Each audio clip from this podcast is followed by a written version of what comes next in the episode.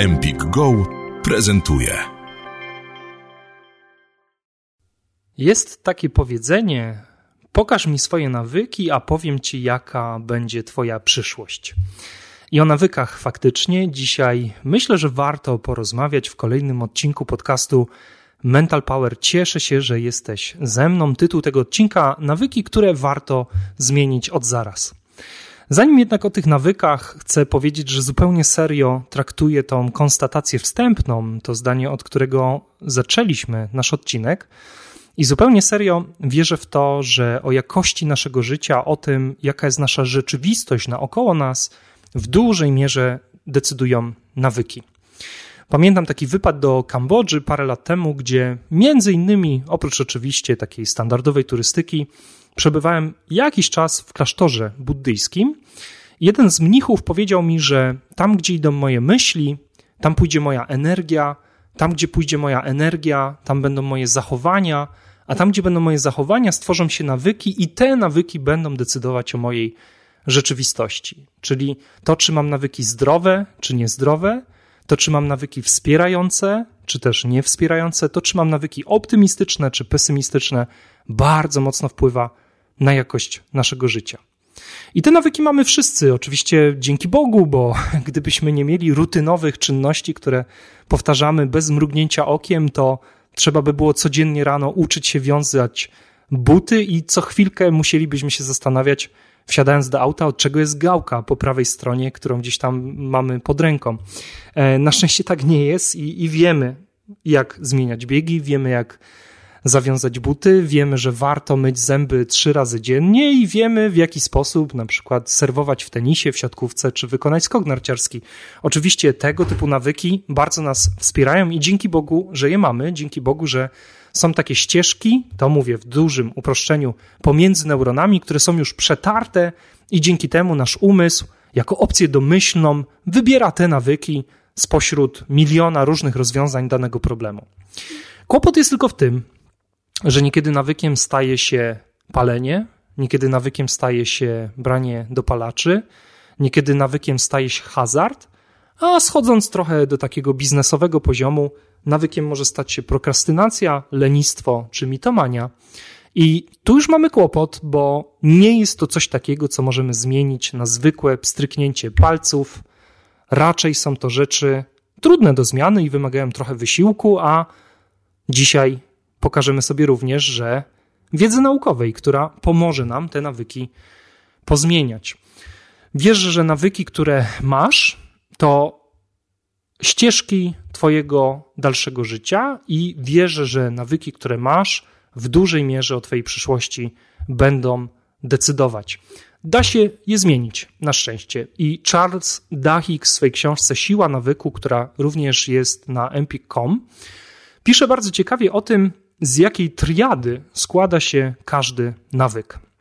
Dachik w bardzo porywający sposób i taki dziennikarski, ekspresyjny bardzo mm, styl wprowadza do swojej książki. Opisuje, że każdy nawyk to wyzwalacz, zwyczaj i nagroda. To jest właśnie ta triada, trzy takie schodki, z których składa się według tegoż autora każdy nawyk. Wiem, że cytuje on badania m.in. MIT, czyli Massachusetts Institute of Technology, bardzo znanej na całym świecie uczelni z wielką renomą, z wieloma dokonaniami i również w kwestii psychologii zasłużoną paroma ciekawymi teoriami.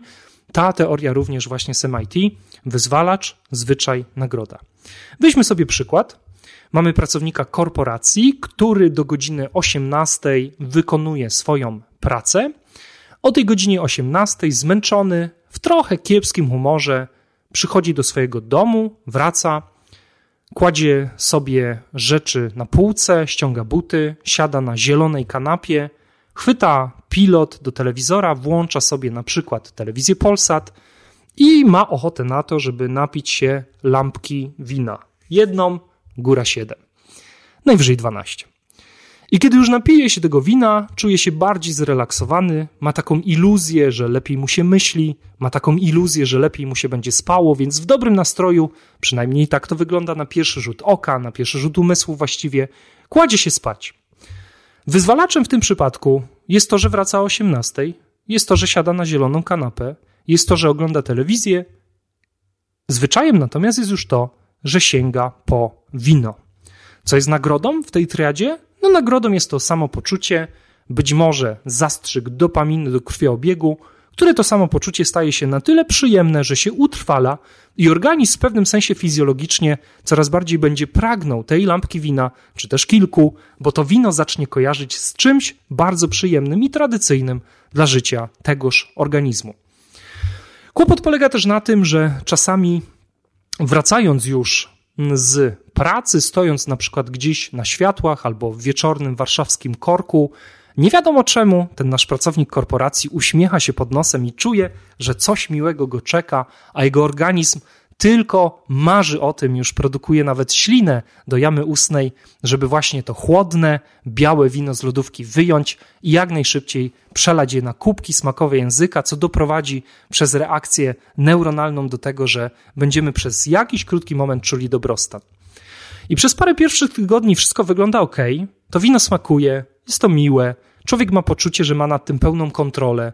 Znajomi o tym nie wiedzą, więc nie alarmują, ale mija na tyle dużo czasu, że trudno już zasnąć bez tego wina, że trudno już zrelaksować się bez tego wina i że ten pracownik korporacji coraz częściej myśli sobie o tym, żeby po to wino sięgnąć również o 13, kiedy ma godzinny lunch break, a kiedy jest sam w domu i nie pracuje, na przykład w niedzielę, sięga po to wino nawet o godzinie 10. Bywa, że pije sam, bywa, że pije w pracy, bywa, że kłamie innych na temat tego, ile jednostek alkoholu wypił, i bywa, że już powoli zaczyna googlować, czy ja jestem alkoholikiem w wyszukiwarce Google. Nawyk zamienia się w uzależnienie i mamy gotowy przepis na mniej szczęśliwe życie i długofalowo na stratę energii, stratę zdrowia, niekiedy stratę pieniędzy, bardzo często również stratę relacji. W tym przypadku nawyk, w tej triadzie, o której powiedziałem, wyzwalacz, zwyczaj, nagroda, warto wymienić i od razu optymistycznie mówię, da się. Nie jest to wcale łatwe, nie będę tu nikomu mydliłoczył, ale da się i Charles Duhigg w książce Siła nawyku również ten temat porusza. Mówi o tym, że są dwie podstawowe metody, które sprawią, że łatwiej będzie nam wyjść z tego nawyku i na przykład rzucić to wino, czy te papierosy, czy te narkotyki, czy jeszcze inne przyzwyczajenia, których już w swoim życiu nie chcemy. Pierwsza metoda, warto sobie to zapisać, a przynajmniej zanotować w pamięci, polega na tym, aby usunąć wyzwalacz. Czyli w przypadku naszego korporacyjnego bohatera, żeby nie wracał do domu o 18, kiedy już pewnie mięsień silnej woli jest trochę wyczerpany, może kiedy wróci o 16, bo będzie bardziej asertywny do swojego nadwyraz dużo wymagającego szefa, okaże się, że ma więcej silnej woli, żeby temu alkoholowi odmówić. Być może zamiast siadać na zieloną kanapę, od razu po wejściu do domu zmieni buty i wybierze się na spacer. Być może na ten spacer weźmie psa, którego właśnie kupił, albo partnera czy partnerkę, których właśnie poznał, i być może dzięki temu nie pojawiają się wyzwalacze, które wcześniej zawsze stały tuż przed zwyczajem sięganiem po białe wino.